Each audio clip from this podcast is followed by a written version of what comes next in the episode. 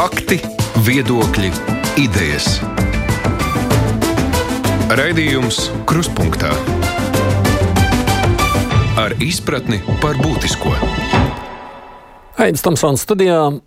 Ko tad mums šī nedēļa ir nesusi? Mēs piekdienās ar žurnālistiem pārskatām nedēļas notikumus, tās skaļākās vai svarīgākās ziņas pārnājot. Protams, šī bija svētku nedēļa. Mēs 4. maijā runājām par brīvību, neatkarību. Šķiet, man tāda subjektīva sajūta ar vien pārliecinošāk, esam gatavībā rast iespējas nojaukt pārdaugavas pieminekli. Tur gan ir bijušās diskusijas par tiem juridiskiem aspektiem. Tāpat kā Eiropā ļoti grūti gājuši sarunās par atteikšanos no Krievijas naftas. Pievērsīsimies tātad arī dažām aktualitātēm ārpus Latvijas. Bet nu, par Latviju runājot, droši vien vēl ir jāpiemina pandēmijas beigas. Vismaz man tā skatoties uz tiem atceļamiem pēdējiem ierobežojumiem, tāda sajūta rodas. Pieslēgušies kruspunktā studijā ir Rebaltika žurnāliste Evita Puriņš. Sveika, Evitam! Labdien! Žurnāla ir galvenā redaktore Nelija Ločmēla. Sveika, Nelija! Sveiciens! Portāla Delfa kolēģis Raivis Palvēns. Sveiks! Labdien! Nu, es ceru, pagaidām savos darbos ir aizķēries. Lūkosim, vai viņam izdosies pievienoties. Esam uzrunājuši vēl TV3 kolēģi Ivo Butkeviču. Skatīsimies, kā viņam sanāks. Nelī, sākšu ar tevi. Kādas tev ir tās domas, emocijas, kad mēs atminamies tos notikumus šajā nedēļā pirms 32 gadiem, 4. māja? Ļoti. Šis ir pirmais gads, kad ir tik ļoti pretrunīgas sajūtas Es neatceros, kad es būtu 4. maijā iepriekš tik daudz raudājusi. uh, jo es nezinu, arī paskatoties, piemēram, parādi un, un redzot tos karavīrus, uh, kas tur savu pulku karogus. Uh, es, es vienkārši man klājās uzreiz virsū šausmīgās bildes no Ukrainas, uh, kur šādi paši karavīri krīt. Un, un, tanki nevis brauc. Es nezinu, kā tās mašīnas pareizi sauc, bruņu mašīnas nevis brauc pa ielām, bet, uh, bet uzbruk un, un iznīcina dzīvi. Un tas ir briesmīgi. Un, protams, tas liek sajusties tā īstenībā ļoti novērtēt to, cik daudz mēs esam paveikuši šajos 30 gados, lai pašlaik justos drošībā, labklājībā un brīvībā. Bet tas, protams, Ukrainā notiekošais atgādina, ka, ka brīvība ir ļoti trausla un ka tā ir nu, visu laiku jāaizstāv, kad viņa nerodās pati no sevis. Tā nav dāvana, tā nav pašsaprotama lieta. Jā, tāpēc ļoti, ļoti tāda miksēta sajūta. No vienas puses, liels prieks par to, ko mēs esam spējuši izdarīt neatkarīgajā valstī. No otras puses, tāds ļoti liels ciešanas un, un līdzjūtība par to, ka Ukraiņā cilvēkiem ir jāmirst um, par, par to pašu brīvību, ko mēs tagad varam svinēt. Mm. Evita. Es varu tikai pievienoties. Es domāju, ka šogad uh, cilvēki nu, tiešām parasti jau tais datumos, 18. novembris, 4. mājas, nu, tāda tā sakāpinātā patriotismu sajūta, bet es domāju, šogad cilvēki vairāk nekā jebkad varēja nu, tiešām sajusties, sajust to atšķirību, kāda tā ir, kad mēs redzam, kas notiek Ukrajinā, par ko, piemēram, šobrīd varētu domāt Moldova, kā justies vai ne. Un, Un kā jūtamies mēs, kur, nu, cik tie lēmumi vēsturiskie ir bijuši pareizi, gan 4. maija, gan, gan nu pat bija gada dienas kopš iestāšanās NATO un Eiropas Savienībā. Nu, es domāju, ka līdz šim jau nekad mēs tā praktiski, realistiski nesam to sajutuši. Vai ne? Tā vairāk bija tāda teorētiska par laimi, teorētiska nu, vērtēšana šādi vai tādi, bet nu, tagad, tagad tas ir tik acīm redzami. Es domāju, ka cilvēki to novērtē. Es nezinu, es, es domāju, ka šobrīd mums tā saliedēšanās kara, Ukrainas kara dēļ ir ir, ir stipri lielāka nekā mm, kaut kādas iepriekšējos gadus. Mm -hmm. Raivi. Es gribēju, jā, Evits, Evits sacītājiem pievienoties, ka es kaut kā šogad 4. maijā īpašāk izjūtu šo sasaisti ar, ar 1. māju, respektīvi dienu, kad uh, Latvija kļuva par Eiropas Savienības dalību valsti.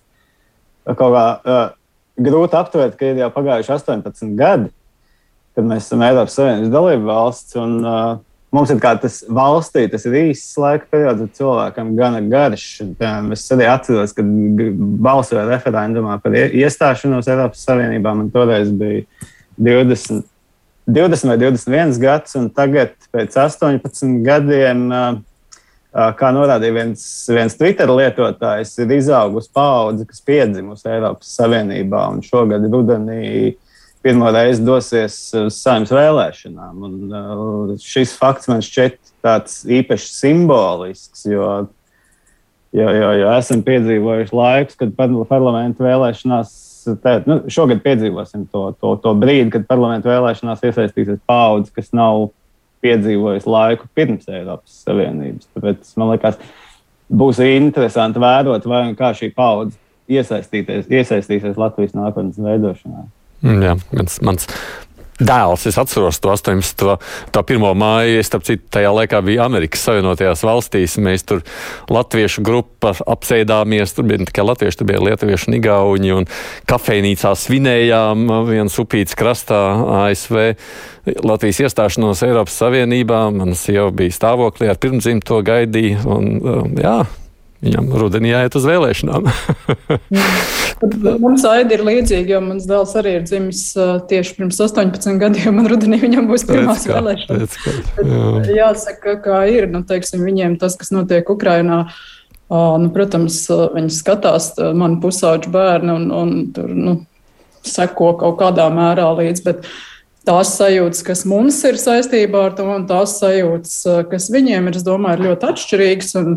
Un, viņi to uztver tik dabiski, šo brīvību, kas ir dota. Viņi pilnīgi nevar iedomāties neko citādāku. Ne? Un, un no vienas puses tas, protams, ir ļoti labi. Jā. Protams, jā. Vispār nevar, es nevaru iedomāties, no kā mēs esam aizbēguši. Nu, tā kā skatoties uz kaimiņiem, kas notiek šobrīd, un tam man nāk atmiņā prātā, ja mēs pirms pāris gadiem, tad, kad es veidoju raidījumu 4. maijā, mums klausītāji zvanīja un sacīja tā, Ja mēs būtu zinājuši, kāda Latvija sanāks, mēs nekad nebūtu balsojuši, mēs būtu, nebūtu gājuši uz barikādēm. Tad tā ir bijusi tikai runāšana. Jo izskatās šobrīd, ka mēs tomēr saprotam, ka bija tā vērts ar, vis, ar visām tām emocijām, kuras reizēm kādam uzplūnē, vai ne? Tās ir tikai tādas, no tā ir tikai tāda runāšana. Jūs tātad mēs tomēr novērtējam visu, kur mēs esam. Jā. Es domāju, ka, ka cilvēki ir, piedod, Nelī, es domāju, ka cilvēki ir ļoti dažādi un vienmēr būs kāda daļa, kas šādā veidā sūdzēsies un nav jau ko slēpt. Arī man ļoti bieži ir pilnīgs rūkums skatoties, nu, kas tiek darīts tajā pašā Latvijas politikā, vai kāda lēmuma tiek pieņemta, vai biežāk viņi netiek pieņemti, un par to ir tā sāpe. Uh, Bet eh, īpaši jau šādos momentos, eh, nu, šajos svētkos, eh, bet, protams, arī kara fonā, nu, tu taču novērtē to, kas tev ir, un tu saproti, ka to, bū, to valsti jau mēs paši esam tiešām būvējuši, nu, burtiskā nozīmē. Un, Un tāda, kāda tā ir, tā ir mūsu pašu veidot. Un, ja ir kādas problēmas, tad paši mēs viņus risinām, bet visam pāri ir tas nu, tā, tā brīvības iespēja, un, un tās vispār nav kaut kādas salīdzināmas lietas. Nu, tur, tur nezinu, sekot, kritizēt to, kā tiek darīts lietas, ka mēs tur neesam kādā topā augšgalā vai, vai kaut kas tamlīdzīgs, vai, vai, vai vispār saprast šo, nu, šo, šo lielo brīvības nozīmi, kas mums ir mm. un kas nu, ir vissvarīgākais. Jā, Nelī. Man liekas, ka tas Ukraiņas mācība ko mēs šobrīd redzam, tieši atbrīvo mūs no tās iztēles nepieciešamības, no kā tad mēs esam aizmukuši. Mums tas vairs nav jāiztēlojas, mēs to redzam ziņās katru dienu. Un tas ir tik briesmīgi, kā es domāju, cilvēki to saprot. Man šķiet, ka līdz šim eh, mēs vienmēr uh, skatījāmies uz, uh, nu, nezinu, uz Eiropu, uz NATO, uz mūsu ceļu. Uh, kā tikai nu, uz tām iespējām, kas ir uz priekšu. Un tas ir dabiski, ka tu vienmēr gribi vairāk, tu gribi tikt tālāk, tu gribi, lai viss ir vēl veiksmīgāk. Bet šīs te, nu jā, šis karš atgādina to otru vienādojumu daļu, tos riskus, tos, tās briesmas, kuras varbūt likās teorētiskas. Likās, nu, kā tas ir iespējams, kaut kas tik šausmīgi nežēlīgs, tik, tik brutāls, tik neracionāls, tik, tik absurds. Bet jā, tas ir iespējams. Un, un tāpēc man liekas ļoti svarīgi saprast, ka tie mūsu lēmumi katru dienu nosaka mūsu nākotni. Un, un, piemēram, šīs pašas vēlēšanas, kas būs, nu, ir svarīgi, par ko mēs balsojam. Tāpat kā mums pandēmija ir iemācījusi, ka, ka tam, kādus cilvēkus mēs ievēlam parlamentā un kādi nonāk valdībā, cik ātri un efektīvi viņi spēj pieņemt lēmumus, no tā ir atkarīga burtiski dzīvība. Tas ir dzīvības cenā.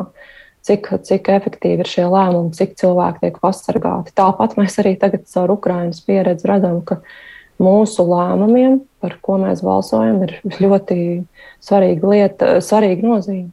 Un tas turpinās visu laiku. Tas nav tā, ka tas bija kādreiz 4. maijā vai referendumā pirms 18 gadiem. Tas ir visu laiku, tas ir šogad, tas būs šoruden. Tas ir viss mūsu darbs, kas turpinās, un tas, tas ko Evita saka par to brīvību, tā jau ir šī iespēja katru dienu, katru dienu uzņemties par atbildību par to, kāda ir mūsu valsts un kur mēs to nākamo soli spērsim. Jo mēs visu laiku ejam uz priekšu. Mēs jau nestāvam uz vietas. Tāpēc jautājums, vai mēs to mērķi redzam, vai mēs, vai mēs kustamies pietiekami ātri un, un pārliecinoši uz priekšu. Es vēl, ja savukārt runājam par Ukrainu, mazliet vienu aspektu labprāt vēl pajautāt jums. Es skatos arī to Ukrainas kanālu Freedom, kas ir, un, un kā tur tiek izteikta pateicība poļiem. Jo, nu, poļi, laikam, šajā reizē ir nu, tā. Vismaz tā paša Ukraiņa saka, ka viņi nebija uh, nu, tādai palīdzībai vispār gatavi. Tur tās reportāžas, kas tiek raidītas. Kā mēs spējam jūs pat palīdzēt Raivi šiem bēgļiem? Mēs arī esam kādus labus vārdus pelnījuši, kā tev šķiet? Es domāju, ka mēs viennozīmīgi esam pelnījuši labus vārdus. Sevišķi nevalstiskās organizācijas, kas momentā metās metās ar, ar, ar palīdzības pasākumiem, domāja plānus, kā, kā, kā, to, kā, kā vispār īstenot visu šo, šo, šo, šo palīdzību. Man liekas, mums nav pilnīgi ne, ne, ne par ko, ko, ko, ko pārmest vai kritizēt, varbūt politiķiem, bet tur arī, man liekas, valdības līmenī kaut kā centās ministri reaģēt maksimāli ātri labi, Ukraiņas eh, bēgļu atbalsta likums ir taps ļoti lēni un grūti, bet nu, tas ir tapis un tā izstrādes laikā tik un tā palīdzība ir tikusi sniegta. Man liekas, ka mums tiešām nav, nav, mm nav par ko sev kritizēt. Es varu piebilst vienu konkrētu citātu. Mēs nesen intervējām Rīgā, ir tā fantastiskā vieta, eh, Boršķa, ja, kur eh, Ukrāņu sievietes taisa Ukrāņu ēdienus. Un mēs bijām aizgājuši parunāties, lai saprastu, kas ir tie stāsti aiz šī boršķa, ja, kas tās ir par sievietēm. Un tad viena no viņām teica, ka viņa nespēja noticēt, ka viņa teica, jūs zināt, latvieši, jūs esat fantastiska tauta, jūs esat brīnišķīgi cilvēki. Mums ir tāda sajūta, ja mēs tagad latviešiem paprasīsim, lai atnes puķu zobu, tad pēc desmit minūtēm latvieši atnesīs to ar visu puķu galvu. Tā ka man liekas, tas ir jauki no viņiem pašiem dzirdēt to, ka viņi novērtē to, ko mēs spējam viņu labā darīt. Protams, noteikti varam vairāk. Tas ir vienmēr iespējams. Nu, tas ir līdzīgi kā arī iepriekšējā. Tad teicu, šis ir process, tas visu laiku process, kurā nevar apstāties, jāiet uz priekšu. Ivo mums ir pievienojies, Ivo Tkevičs. Es priecājos, ka tu esi jau paspējis izrauties no saviem darbiem, arī mums pievērsties. Sveiks, Ivo! Tev. Mēs iesim uz nākušo tematu, tāpēc te uzreiz arī pirmais vārds var izteikties. Pārdaugos piemineklis ir jānojauc vai nav jānojauc. Vienkārši man ir tāda sajūta, man, man ir tāda sajūta, klausoties tās pēdējos dienu uh, intervijas un ziņas, ka mēs ar vien vairāk kaut kam tādam kļūstam gatavi. Nav tā, Ivo, kā tev šķiet? Jā, sveiki, kolēģi, atvainojiet Lūdzu, ka kavējos. Es skatos, man uzreiz nejutīgais temats ticis. Personīgais viedoklis attiecībā jā, uz šo pieminiektu pārdaugavā man jau ilgāk laika ir bijis, ka tam tur nevajadzētu būt un vietas tam tur īsti nav. Tas, ko mēs tagad redzam, ir diezgan amizanta situācija, manuprāt. Jo skaidrs, ka tas ir lēmums, kas ir eventuāli jāpieņem politiķiem. Un šajā situācijā tas, ko mēs redzam, ir politiķi vārdos ir visi vislielākie pieminekļi nojaucēji viens par otru un pārspējot tikai šajā retorikā un vārdu bagātībā, kā viņi to izpauž. Tieši kā mēs redzam, tie lēmumi uz priekšu īsti nenotiek. Un tur tā lieta ir skaidrs, ka mēs kaut ko gaidām no Saimnes ārlietu komisijas, kas pārskata visus šos divpusējos līgumus, kas ir saslēgts starp Latviju un Krieviju. To ir vairāk nekā 50, ja es pareizi atceros. Uh, es domāju, ka tas lēmums arī notiks. Jo tās sabiedriskās domas aptaujas pēdējās, ko esmu redzējis, ir kā 50%, cik saprotu, ir par to, ka šo pieminiektu vajadzētu nojaukt. Un, attiecīgi, tajā situācijā mēs saprotam, ka šeit ir kaut kāda faktora spēlēs vēlēšanu gads. Un es domāju, ka tur būs ļoti liela vilkme politiķiem uh, stāvēt pie tās nosacītās lentītes un būt tiem, kuri paziņos, ka tieši mēs bijām, redziet, tie, kuri to izdarīja. Bet nu, tā retorika pēdējo mēnesi, pusotru, nu, tiešām šķiet, jā, ka politiķis X uzskata, ka tas noteikti jādara, bet tas jādara politiķim Y. Savukārt politiķis Y uzskata, ka tas ir vēl vairāk jādara, bet tas tikai jādara politiķim X. Un tā mēs kaut kā ejam uz rīņķi pagaidām. Mm. Nu, izsakieties citu par šo pašu viedokli. Kurš nākošais? Uh, mhm. Jā, nu, es uh, pievienojos Ivo teiktajam, jo man šķiet, ka uh, principā, jā, ka tas ir politikas jautājums un diskusijas par pieminiektu likteni jau gadiem parāda to, kā notiek uh, lēmumu pieņemšanas process Latvijā. Nu, respektīvi, tas ir haotisks, uh, nesakarīgs un uh, ļoti gauss. Un, nu, skaidrs, ka Krievija ir agresora valsts jau To mēs zinām gadiem.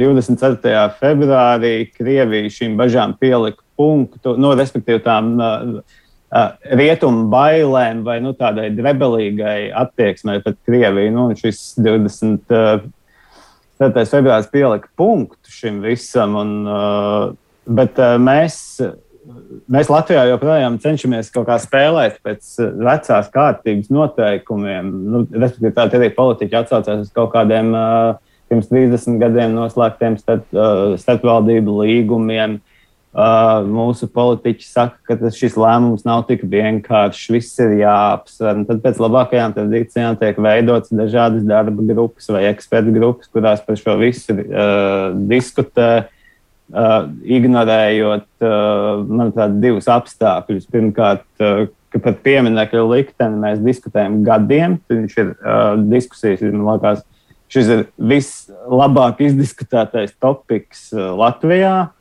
Un otrkārt, uh, Krievija 24. februārī, man liekas, simboliski lauza pilnīgi visas līgumas ar rietumu valstīm. Un tāpēc nu, Es īsti nesnieg, ne, neatbildēšu uz jautājumu, ko darīt ar pieminiektu, bet manuprāt, ka izlēmīgā valstī lēmums par pieminiekļa likteni būtu pieņemts jau 25. februārī nākamajā dienā. Vienalga nojaukt, nenojaukt, pārvietot, demontēt, uzdāvināt Krievijai atpakaļ vai pieminiekļu gabaliņus, nezinu, izdalīt kaut kādā okupācijas muzejā, izstādīt. Vien. Uh, Man liekas, šis jautājums tiek žņembāts uh, tik ilgi, ka lēmuma rezultāts nešķiet tik svarīgs, jo lielākās mīlas ir tieši par šo lēmumu pieņēmēju nespēju visu atrisināt izlēmīgi, ātri un, uh, un ņemot vērā esošos apstākļus. Nu, tas ir, protams, interesanti. Pirms es dodu uh, pāriem vārdu. Kuriem kādiem šķiet, ka viss ir izlemts un ka viss ir skaidrs un ka lēnčām mājas, tikmēr otriem vajag laiks, kamēr tu aizēji līdz kaut kādam viedoklim. Nav tā, ka visi būtu bijuši ļoti vienisprātis līdz 24. februārim un nu, tikai vajadzīgs bija starta šāviens. Tā noteikti es vismaz par sevi arī tā nevarētu teikt. Nelī, ko tu saki? Jā, es laikam apanēšu par to laiku, jo 25. februārī es pilnīgi nedomāju ne par kādu pieminekli. Man bija pilnīgi galvā citas domas. Es biju ļoti uztraukusies un nobežījusies par to, vai Kijava izturēs, vai Ukraina saglabās savu neatkarību. Un, galvenās rūpes bija par to, kā mēs varam palīdzēt, kā mēs varam apturēt. Nu, protams, mēs nevaram apturēt karu, bet kā mēs varam atbalstīt Ukrainu un, un, un palīdzēt, lai viņi notur savu neatkarību. Tāpēc, manuprāt, tas, ka mēs lēnā garā šobrīd uh, tiekam līdz tam piemineklim, nu, es tur neredzu nekādu problēmu, un tur nekas nedeg. Un man, piemēram, līdz, līdz šī kara sākumam, es teiktu, arī Krimam man kaut kā nemainīja to viedokli. Man likās, ka Nu, mēs esam tāda valsts, kas, ja jau mēs nenojaucām to pieminiektu kā leņķinekli tur atmodas laikā, nu, tad mums tas laikam nebija tik, tik sāpīgi. Un tad jau mēs esam kļuvuši par, tā, kļuvuši par tādu civilizētu valsti, nu, kas kā nestaigā ar buldozeriem un neskatās, kur varētu ko nojaukt. Bet tagad pēc 24. es vairs negribu skatīties uz to. Es, es tiešām vairs negribu. Un tas iemesls ir tas, ka tā vairs nav pagātne. Vairs nav runa par to, ka ir kaut kāds pagātnes mantojums, kas tur mēs tur viņu krājam un apaudzējam un godinām un, un vienkārši respektējam un neesam barbari. Tā tagad ir šodiena. Diemžēl mēs redzam, ka Krievija, kura šo padomju slavie, savienību ir visu laiku slavinājusi, viņi cenšas to atjaunot. Un tāpēc es vairs nevēlos, es nevēlos redzēt Rīgā kaut ko tik neglītu un, un, un, un tik, tik bīstamu, tik agresīvu. Un tas, protams, šī 9. maija slavināšana un svinēšana, kas ir tieši saistīta ar putinismu, jo agrāk jau tur nebija tas piemineklis vispār būtisks arī pašiem 9. maija svinētājiem. Tagad. Es, es domāju, ka mums ir skaidra valoda jārunā. Tas ir ļoti svarīgi ka mēs Latvijā ne, neesam Padomju Savienība. Mēs esam Latvijas Republika. Un pie mums 9. maija šādā veidā, kā tur agrāk ir svinēts, nesvinēsim vairs. Mēs to nedarīsim, jo mēs redzam, pie kā tas noved. Un es pat esmu kā žurnālists vienkārši vairākas reizes pēdējos gados aizgājis uz to pieminiektu 9. maijā, lai sajustu, kas tur notiek. Un es uzreiz varu pateikt, ka tāda veida godināšana, kā tur notiek, tas, kas tur tiek nu, izjusts vai, vai par ko tur ir tā kopības sajūta, tas ir kaut kas pilnīgi svešs tam, kas, ko es gribētu redzēt Latvijā. Un tāpēc mums, man liekas, ir tas simbols jānovāc. Vienkārši viņš ir arī ļoti neglīts. Tas, man liekas, es, man, man tā cilvēciskā saite ir tāda. Mums Vecpiebalgā ir māja, kur, kur mēs iegādājāmies pirms gadiem 20. Tur blakus bija tāds padomu monstrs, mēs tā to arī saucām. Tur bija tāds kolhoza centra kantors, trīsstāvīgs, briesmīgs ķieģeļu tāds monstrs. Un visa Latvija ir pilna ar šādiem padomu monstriem. Un mēs tik daudz laika tērējām un, un paši savām rokām to visu jaucām nost pie savām mājām. Ja? Un es redzu, visur, kur braucu riņķī, joprojām ir pilns ar šiem padomu laika mēsliem. Un tas ir mūsu Latvijas zemes vienkārši gandē. Un kāpēc mums visu laiku ir uz to jāskatās? Es, es to Un sevišķi, šis ir tāds, tāds jau politisks simbols, es vienkārši to negribu vairs skatīties. Es tiešām es gribu, lai tur ir tīra zālīte, kaut kādi koki. Vai... Es tur noteikti arī negribu vietā kaut kādu. Man liekas, laba, laba doma par to nojaukšanu, varbūt kaut kur sadalīšanu. Es, ka, protams, ir jābūt kaut kādai, mm, kaut kādai simboliskai vietai, kas atgādina šo padomu ša okupācijas šausmas. Jo tas ir skaidrs, ka jaunie cilvēki, kas aug, nu, nezinu, piemēram, Evita, jūsu bērni, kur, kur, kas ir tā vieta, kur jūs varētu vizuāli parādīt, cik padomju savienība ir briesmīga. Nē, protams, var vienkārši iziet cauri purcēm un imantas kvartāliem un parādīt tās mājas, mājas nesiltināt tās vēl pagaidām. Bet, bet, bet, bet okupācijas muzejs. Jā, nē, nu, muzejs ir muzejs, bet teiksim, pilsēta vidē. Kas, kas nezinu. demonstrē? Jā, jā. Tā kā Berlīnas mūris, jā, teiksim, nu, jā, Berlīnē. Ilustrācija. Jā. Evita. Es šajā jautājumā domāju ļoti līdzīgi kā Nēlija, un es teiktu, ka man arī līdz šim tas piemineklis netraucēja. Es pieņemu, ka es biju pietiekami liberāli. Teiksim tā, nu, ja kādai grupai tas ir tik svarīgi, vai ne, tad lai, lai Bet šobrīd, protams, apstākļi ir mainījušies. Man teiksim, tā, daudz vairāk iepriekšējos gadus uh, uztrauca, kāpēc mums ir tāda neizlēmība attiecībā uz izglītības uh, segregāciju, kas turpinās un turpinās, un kāpēc tur mēs neesam pieņēmuši lēmumus, ka nevar būt šīs Krievijas skolas, kur tomēr arī šīs idejas nu, visticamāk kaut kādā mērā tiek uh, pārmantotas un atkal stiprinātas. Nu, mēs zinām, par ko mēs runājam. Kāpēc tas tik ilgi netika atrisināts, vai ne? Bet, bet tāds piemineklis, nu, līdz šim man tas tiešām neuztrauc. Un es nedomāju, ka tās diskusijas, nu, bija diskusijas gadiem, bet tās bija tādas. Es nu, pat kaut kad nesen, starp citu, skatījos atpakaļ chronoloģiski, kas tad mums ir bijis par to pieminekli. Nu, nav jau bijis tik bieži pāris reizes kaut kādi, teiksim, tādi nacionālistiskāk noskaņot cilvēki rosinājuši tur, tur to tautas, nu, Mana balss iniciatīva bija, un tad vēl kādā brīdī kaut kas bija, bet nav tā, ka tā bija tāda ļoti aktuāla tēma, nepārtraukti vai ne. Un es domāju, ka tas arī bija pamatoti. Un, un tieši tā, ja viņš tur bija, tad, nu, acīm redzot, mums nebija tik svarīgi. Bet šobrīd situācija ir mainījusies. Tas piemineklis, protams, ir iegūst kaut kādu pilnīgi citu simbolisku nozīmi, un, protams, ka mums ir jāparāda, ka mēs varam. Es arī nebūtu tik kritiska kā Raivis attiecībā uz to, kas pašlaik, teiksim, notiek tur saimā vai vai, vai ministrijās, nu, kas tur spriež, kādā veidā mēs to pieminiektu varētu novākt. Man tomēr ir radusies sajūta, ka tā apņemšanās novākt ir un tiek vienkārši meklēti normāli, civilizēti risinājumi atšķirībā no, piemēram, no Krievijas, kur nu, tur nevajag nekādus civilizētus risinājumus vispār nekam. Tur vienkārši iet ar ceļa rulli pāri jebkādām. Nu, jebkam vai ne, jebkādiem līgumiem, jebkād, nu, mēs tādi nesam. Un, un es domāju, ka tas ir labi. Es domāju, ka mēs līdz tam punktam nonāksim, ka tas piemineklis diezgan drīz arī pazudīs. Un, un tas būs kaut kāds vismaz tāds simbolisks solis, ka no kaut kā mēs esam atbrīvojušies. Es pilnīgi to atbalstu, protams. Mm. Labi, atgādini tikai kolēģiem, ne klausītājiem par kolēģiem, tā, lai es precizētu. Mums ir šeit četri žurnālisti, runājam par to, kas pēdējās dienās mums pievērš mūsu uzmanību. Nelī Ločmela, Raivis Spalvēns, Evita Puriņi, Vobutkevičs.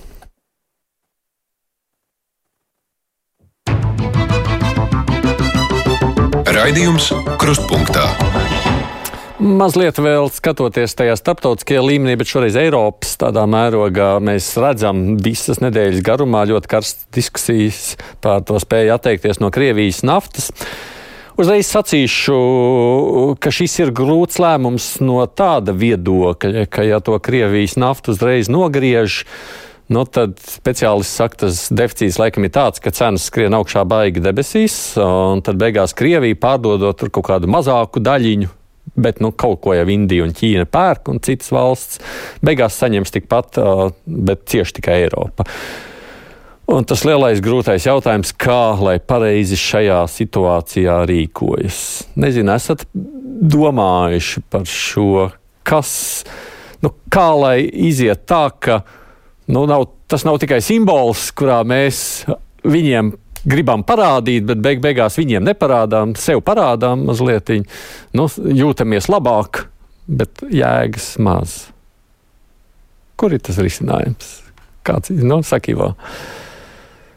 Uh, pirmā lieta, varbūt ne līdz galam piekristu tiem. Uh, es cerās lasīšos uh, komentārus par to, ka, jā, ka Krievija tāpat to visu pārdos un vienkārši, nu, piemēram, tai pašai Ķīnai. Uh, Es gan nebūtu tik drošs, jo Ķīna ar nekādu labdarību nenodarbojas. Un situācijā, kad uh, viņi redz, ka Krievija nav īsti nekur citur, kur pārdot to naftu, kā pēc būtības tikai pie viņiem, nu, tādu nedaudz vulgarizēt to mm. piemēru. Viņi ar attiecīgi pateikt, ka nu, mēs maksājam tik, cik mēs maksājam. Par pušcēnu, par pušcēnu. Agrāk izskanēja par, par trešdaļu. Bija, nu, nu, tā kā tur nu, Ķīna nekā ar labdarību nenodarbosies. Protams. Otra lieta, nu, mēs tagad esam nonākuši līdz tam punktam, kurā nu, tie ierastie sankciju mehānismi, kas ir bijuši gan uh, veiksmīgi un labi, uh, gan tādi, kas tur. Uh, Piemēram, nu, uzliek sankcijas Putina trešās pakāpes māsīcas uh, tēvoču sievai, Un tādā līmenī nu, mēs tagad esam nonākuši līdz tam līmenim, kurā mēs saprotam, ka tās īstās un efektīvākās un sāpīgākās sankcijas griež uz abām pusēm. Uh, un, uh, jā, ir skaidrs, ka kaut kāda pārkārtošanās tur ir nepieciešama arī attiecībā uz naftas tirgu, bet, ja godīgi, tas jau īstenībā noteikti pēdējos mēnešus. Tāpēc, ka tirgus bija diezgan lielā šokā arī pēc tā, kas notika 24. februārī, kad Krievija sāka karu un īsti nebija skaidrības, nu, vai tas resurs vispār būs. Jo visu laiku jau gaisā ir bijis tas risks, ka varbūt uh, Krievija pati kaut kādus šādus uh, soļus izdomās spērt vienkārši lai arī kādam. Un, un Es domāju, ka nu, tas risinājums ir tāds uh, samērā pavājuši, manuprāt, ar to. Nu, mēs tur kaut kādā termiņā, rekur pusgads, un tad tur gads, un tad mēs atteiksimies. Uh, uh, tas, kas mani biedēja, jā, ir tiešām tas variants, kad cilvēki, un tā skaitā Briselē, un tā skaitā arī lielajās valstīs, piemēram, Francijā un Vācijā, sāks pierast pie tā, ka tur Ukrainā notiek karš. Un tā motivācija vērst kaut kādas ļoti stingras sankcijas, ļoti stingras sankcijas pēc būtības ir energoresursi, ka tur tā vilkme varētu mazināties. Jo šķiet, ka nu, lielākās problēmas pat labam, protams, ir ar tām valstīm, kurām nav īsti tādu skaidru ceļu, pa kuru iegūt naftas produktu, naftu un naftas produktus tādā tiešā veidā, bet tas ir atkal ir risinājums, ko varbūt ir vērts mēģināt risināt centralizēt Briseles līmenī ar kaut kādiem kolektīviem iepirkumiem, un pēc tam mēs izdalām uh, konkrēto resursu. Par cenu, nu, jautājums ir jā, cik mēs esam gatavi maksāt par to. Mm, tas ir jautājums. Citu emocijas, jeb nu, refleksijas uz šo. Es domāju, ļoti sarežģīta visa šī diskusija, jo tu saki, ka tikai šonadēļ ir tur kaislības, bet īstenībā atcerieties par naftas uh, embargo, uh, šo, par šo sesto paketu. Īstenībā Eiropas komisija sāka spriest jau uzreiz pēc bučus. No, Tas nozīmē, ka mēs, mēs par šo jau aizkulisēs. Uh, tās diskusijas notiek jau vairāk nekā mēnesi. Un, nu, mēs jau redzam, ka nu, putinisti arī ir izgaismojušies. Ungārija tur stāv stingri un, un visu bloķēs. Un, man liekas, ka tā ir realitāte, ko mēs nu, nevaram aizmirst. Un, jo ilgāk iet šis karš, jo, jo šie putinisti nu, Eiropas Savienības ietvaros, kā saka, arvien skaidrāk izgaismojas, jo nu, kaut kad jau viņiem tomēr tur tiek piespiestas, piespiesti tie nagi skrūvspīlēs. Tā ka man liekas, tas tiešām būs sarežģīti. Bet tas, ko es gribu teikt, kā es saprotu, es neesmu eksperts par šo, šo naftas jautājumu, bet kā es saprotu, vienkārši sakojot līdzi ziņām, kaut gan mums nav noteikts šis embargo, de facto jau mēs ļoti samazinām šo Krievijas naftas patēriņu. Paši uzņēmumi to jau dara. Nu, es esmu arī no mūsu Latvijas premjeras sapratusi, ka mēs jau tur gandrīz tagad jau braucam ar, ar šo šeihu naftu.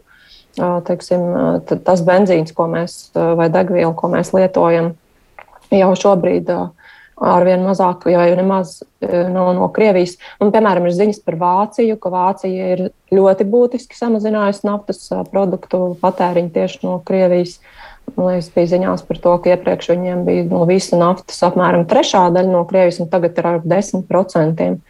Tā ka šī kustība jau notiek. Un man liekas, ka patiešām ir, ir ļoti sarežģīti tajā politiskajā līmenī panākt to vienošanos. Gan tā, lai, lai tie vēlētāji arī saprastu, ka mēs ne, nu, rīkojamies gudri, Jo tiešām kāda jēga ir ieviest sankcijas, kuru rezultātā beigās Krievija saņem vēl vairāk naudas savai kara mašīnai. Tas arī nav loģiski, vai ne? Būtu jābūt izsvērtam tam mehānismam. Bet es, jā, es pozitīvi vērtēju to, ka uzņēmumi paši jau atsakās no, no šīs Krievijas naftas, un, un tas nozīmē, ka de facto šīs sankcijas sāk jau darboties. Jau, nu, tādā, īstenībā tas ir sabiedrisks spiediena rezultātā, nevis politiķu mm -hmm. tādi jau tehniski lēmumi. Evita, ir ko piebilst? Nē, es arī esmu sapratusi, ka Latvijas degvielas tirgotāji, nu, faktiski tā degviela, kas nāk Latvijā, ka tā jau vairs nenāk no Krievijas. Tādā ziņā, nu, es neesmu, protams, arī eksperta, bet varbūt tas tomēr nav tik grūti. Uz cenu tas attieksies. Es gribētu, teiksim, atkal no mūsu valdības un no, no vispār no politiķiem vairāk dzirdēt tādu plānu, eh, kā palīdzēs ar to cenu kāpumu, vai kā mēs to risināsim, vai kā mēs cilvēkus nu, noskaņosim, sagatavosim to, ka pret rudeni tas neatiecas tikai uz naftas produktiem, tas attiecas arī uz apkuru un tam līdzīgi, un elektrību. Nu, nu kas, kas būs un, un kāds ir tas plāns, kā mēs tiksim galā? Respektīvi, lai nav. Protams, Ukraina ir nenormāli aktuāla, un mēs visi skatāmies ar šausmām un jūtam līdzi un tam līdzīgi. Bet, Bet es gaidītu diezgan nu, tādu drīzāku risinājumu, piedāvājumu kaut kādu šajā ziņā par to cenu kāpumu, par to, par to ko tu iepriekš teici. Jo, ja mēs skatāmies, kā citas valstis ir Eiropā, ļoti daudz valsts ir teiksim, reaģējušas jau jau martā, jau aprīlī, redzot, ka, ka viss aug un ir inflācija un tam līdzīgi. Nu, es teiktu, ka mūsējie kavējas, un man nav īsti skaidrs, eh, kāpēc. Eh, tur, tur, tur es īsti nesaprotu, kāpēc. Protams, naudas nav, mums ir visam naudu vajadzīga vairāk, un mēs nevaram tur kaisīt ar helikopteriem, bet kaut kādu plānu, kaut kādu risinājumu no tiem jau vajadzētu tomēr būt uz galda. Uh, Un, un, jo ir jādomā arī par sabiedrības noskaņojumu kopumā, vai ne? Arī, protams, par tām lietām, nu, kā mēs tiešām tur tiksim galā ar ziemu un tam līdzīgi, bet arī par sabiedrības noskaņojumu. Un tur es tādu rīcību šobrīd neredzu, diemžēl. Jā, Nelija, pavisam. Ja, ja drīkst, es vēl ļoti īsti gribēju piebilst, man arī skatoties uz šo cenu kāpumu, teiksim, nu vienkārši benzīna tankā liekas, oh, šausmas, šausmas. Bet uh, ir vērts apskatīties uh, to plašākā perspektīvā. Latvijas banka nesen bija uh, publiskojusi nu, tādus datus uh, par kara ietekmi uz ekonomiku, un tur viņi skaidroja un vienkārši atgādināja vecāku informāciju. Uh, šobrīd mūsu uh, naftas un degvielas cenas absolūti nav uh, teiksim, pret to mūsu kopējo izmaksu grozu, piemēram, pret uh, nezinu, ienākumiem vidējiem. Ja? Mēs vispār esam tālu no tā īpatsvaru, ko mēs agrāk, piemēram, pirms desmit vai cik gadiem maksājām par degvielu. Tā ka man liekas, viena no, no lietām ir arī skaidrot uh, to, uh, kāds ir tas nu, makroekonomiskais efekts nu, plašāk. Jo Mēs skatāmies, jā, cenas tagad ir pieaugušas, bet teiksim, mūsu, mūsu algas arī ir stipri vairāk pieaugušas, un mēs agrāk maksājām vairāk par degvielu nekā ne, proporcionāli. Raivi, tu vēl par naftu paliki. Nē, nē, man tur nebija nekas daudz, ko daudz, daudz piebilstams. Es vienkārši Evitai gribēju pateikt par to ekonomikas ministrijas un labklājības ministrijas priekšlikumiem inflācijas ietekmes mazināšanai. Nu, nav ko steigties, lēnā garā tiksim galā.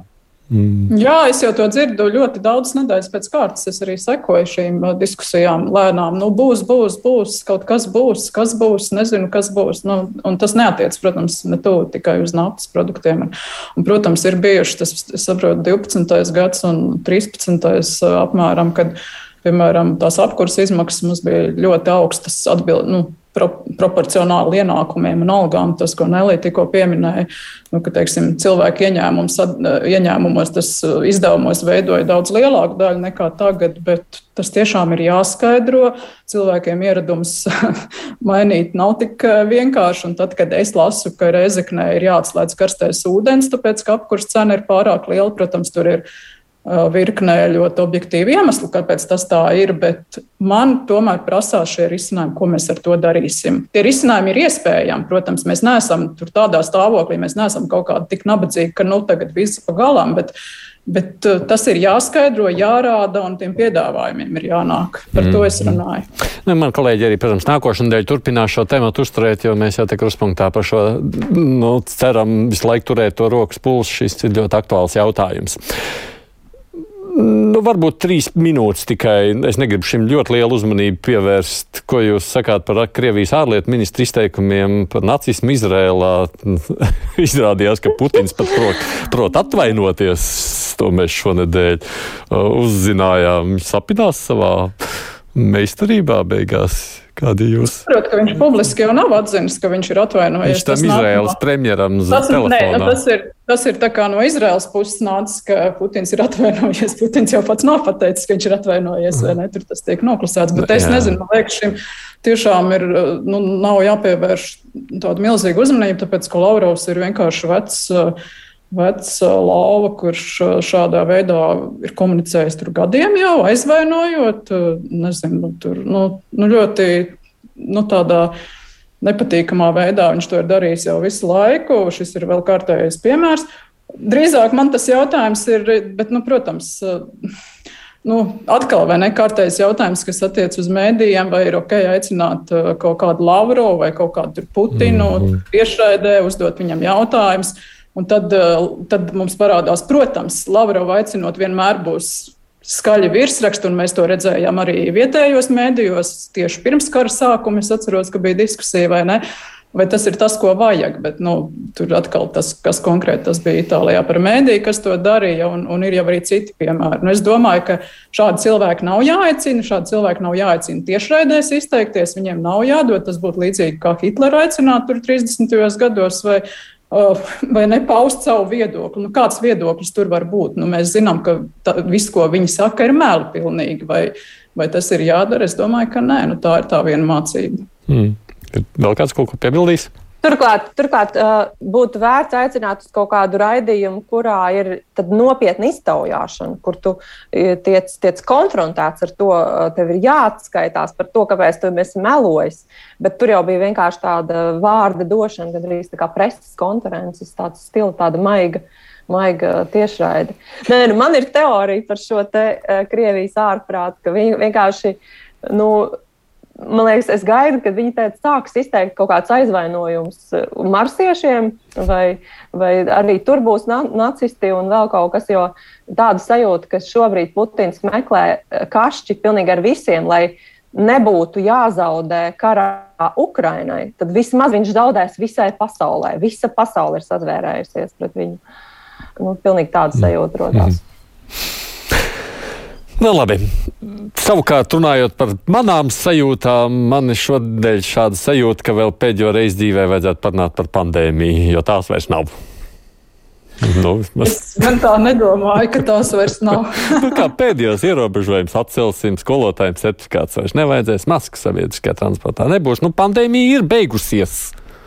Šodien lasīju par deviņiem cilvēkiem, kas ir uh, devušies taisolē. No. Nu. Ne? Es neteiktu, ka ir beigusies. Uh, Protams, tie skaiti, ka saslimstība ir ievērojami mazinājusies, tie ir ļoti iepriecinoši un man prieks, bet nu, es nezinu, kas būs rudenī vai ne, un vai mēs šobrīd tā ļoti varam priecāties, un kas notiks, piemēram, augustā, septembrī, atceroties iepriekšējos gadus, un zinot to, ko arī, nezinu, mediķi eksperti ir teikuši, ka tā jau nav tāda lieta, kas tā pēkšņi izzudīs. Visticamāk, man tas, kas mani tiešām izbrīnīja, bija tas paziņojums, ka rudenī mēs neprasīsim pedagogiem vakcinēties. Es biju tiešām pārsteigta par to, jo man liekas, kas mums tā tagad par tādu nākotnes paredzēšanu, vai ne? Kā mēs to zinām? Mēs tagad dodam jau uz priekšu tādu kaut kādu solījumu, vai kas, un kāpēc mēs to darām?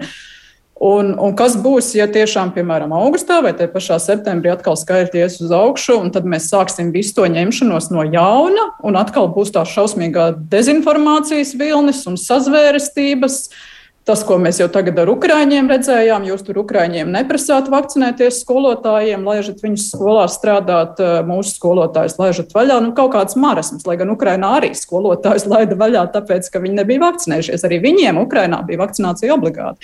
Nu, es biju pārsteigta par to. Es tiešām ar šausmām domāju, nu, kas tad mums tur rudenī būs. Nu, Dievs dod, lai būs, būtu viss labi un lai tā pandēmija tiešām neatgrieztos. Bet es gan nebūtu tik pārliecināta, kā, nu, kā pēc šiem paziņojumiem izskatās izskatās, kāds cits ir pārliecināts. Laivi, kā tu vērtē šīs ziņas?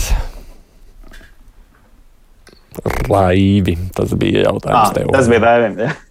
Nē, nu, skaidrs, ka pandēmija nav beigusies, jo Pasaules veselības organizācija, man liekas, nav paziņojusi par pandēmijas beigām. Uh, savukārt, runājot par, par, par, par nākotni, šodien lasīju Igaunijas sabiedriskajā mēdījā. Es saprotu, ka viņiem izstrādāts uh, kaut kāda nu, nezinu, vai stratēģija, bet katrā ziņā viņi domā par to, par, par, par scenārijiem rudenī, kā, kā, kā tas viss varētu attīstīties. Un, uh, Un es arī iepazinos, man liekas, ka veselības ministri, mūsu veselības ministri strādā vai jau ir izstrādājusi arī kaut kādu plānu par to, kā, kā, kādi scenāriji mūs varētu sagaidīt rudenī. Es detalizēti neiepazinos, bet nu, katrā ziņā kaut kas tāds top un uz valdību tiks virzīts. Ar, ar, to, do, ar to domu, ka vajadzības gadījumā atkal prasīsim certifikātu, atcelsim šo lēmumu. Jā, man liekas, tur bija, jā, jā, jā, jā, jā, jā, tur bija, man liekas, nu, palielam viss tas, kas mums līdz šim ir bijis. Nu, pastāv iespēja, ka, nu, varbūt labi, bet varbūt arī slikti. Tur ir, nu, scenāriji dažādiem gadījumiem. Uh, Un tas pats attiecās, man liekas, par šo lēmumu, pat pedagogiem. Šis lēmums, man liekas, tika pieņemts tagad uz, uz šo vilni, kad šķiet, ka pandēmija ir beigusies, bet tikpat labi šo lēmumu mierīgi var, var mainīt rudenī. Ja, ja, ja tiešām uh, Covid atkal uzliesmo. Tas gan būtu ļoti jauki. Es domāju, ka tas nav, jā, es domāju, ka tas nav tāds ak akmenī, cits lēmums. Augustā, Labi, augustā pieņem darbā, septembrī atkal atlaid. Nu, Nē, nu, noteikti, noteikti mainīs pēc vēlēšanām. Es nedomāju, ka ah, pirms ah, vēlēšanām skaidrs. kāds izdomās pateikt, nē, tomēr pedagogiem vajadzēs. Oktobrs. Jo. Jā, es gribu tikai uh, piekrist. Tam, ko viņš pēdējo teica, man šķiet, ka īstenībā par praktiski jebkuru tematu, pat labi runājot to uh, 1. oktobra saimnes vēlēšanu kontekstu, nevar nekur izņemt ārā no tā.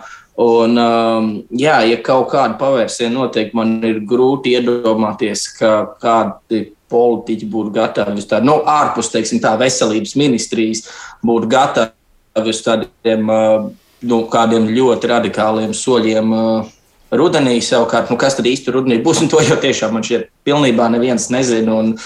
Risks ar kaut kādiem uzliesmojumiem pastāv, bet uh, Un attiecībā uz to, kas mums ir vismaz tā par nosacīti to maigāko omikronu paveidu, nu, jautājums ir, kāda būs tā tālākā dinamika. Jo skaidrs, ka nu, nu, nevar dzīvot nākamos, es laikam saku, nākamos 40 gadus, katru rudeni slēdzot cietu ekonomiku un tad baudot vasaru. Nu, tas tā nav nevienam tik daudz naudas, lai šī to iznestu cauri.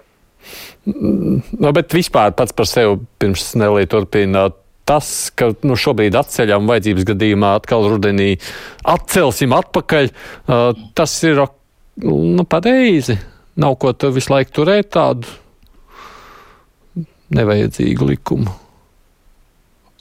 Ne, nu man, man, piemēram, man nav īsti liela iebilduma pret, nezinu, uzvilku masku, kad esmu sabiedriskajā transportā. Man tas dzīvi īsti netraucē.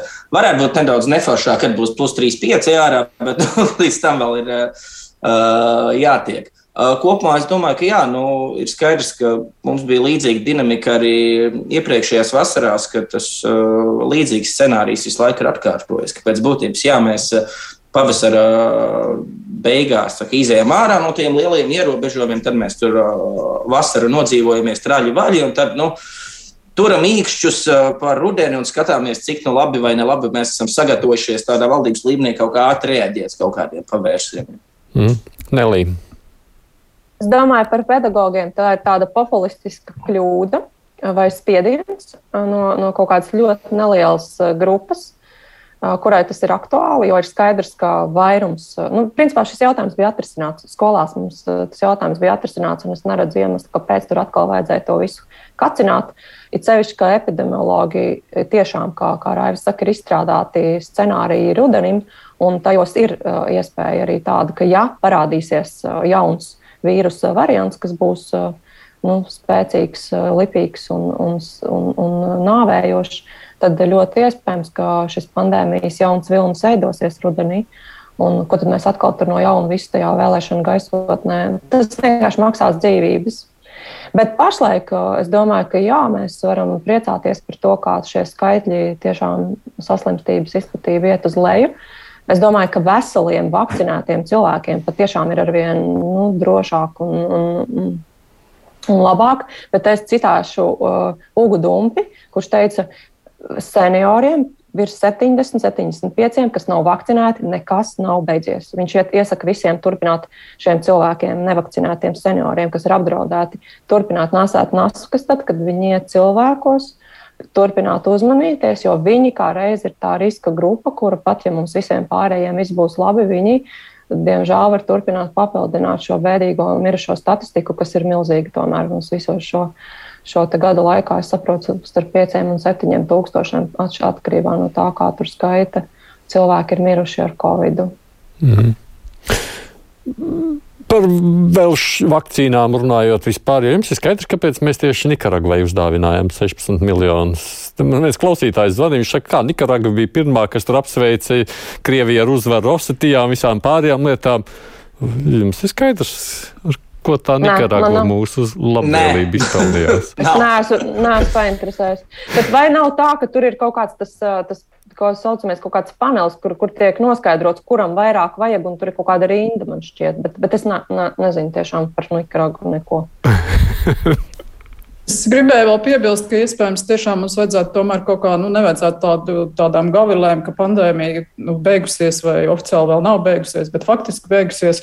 Tas, ko Nelija teica par tiem veciem cilvēkiem, nu, tomēr turēt to sabiedrisko domu, ka tā vakcinācija ir Līdzīgi kā gripa, pret kuru Latvijā arī vecie ļaudis, kur nu vēl jaunie ļaudis nevakcinējas, vai nesalīdzinot ar citām tādām vecākām Eiropas valstīm. Nu, kaut kā mēģināt tomēr to domu veidot, ka tā Covid vakcīna būs, ka visticamāk, ka tā būs aktuāla un ka tā ir tāda normāla prakse, ka tu tuvojoties rudenim vai nu, kā tur pēc epidemioloģa ieteikumiem, tas ir jādara un viss. Es nu pat biju pagājušajā nedēļā Itālijā, Lombardijas reģionā, tieši kur mēs Zinām, ka 20. gada martā, aprīlī bija tie šausmīgākie cipari, vai ne? Un tur es saprotu, nu, vismaz tā sajūta ir, ka tā, tas Covid ir tāda realitāte joprojām. Apziņā cilvēku. Ļoti daudz vecu cilvēku, piemēram, staigā pa ielu ar maskām, vai ne? veiklos joprojām viņiem visur ir vajadzīgas maskas vai kaut kādā sabiedriskā transportā vai kur vakcinācijas certifikāti ir daudzās vietās vajadzīgi.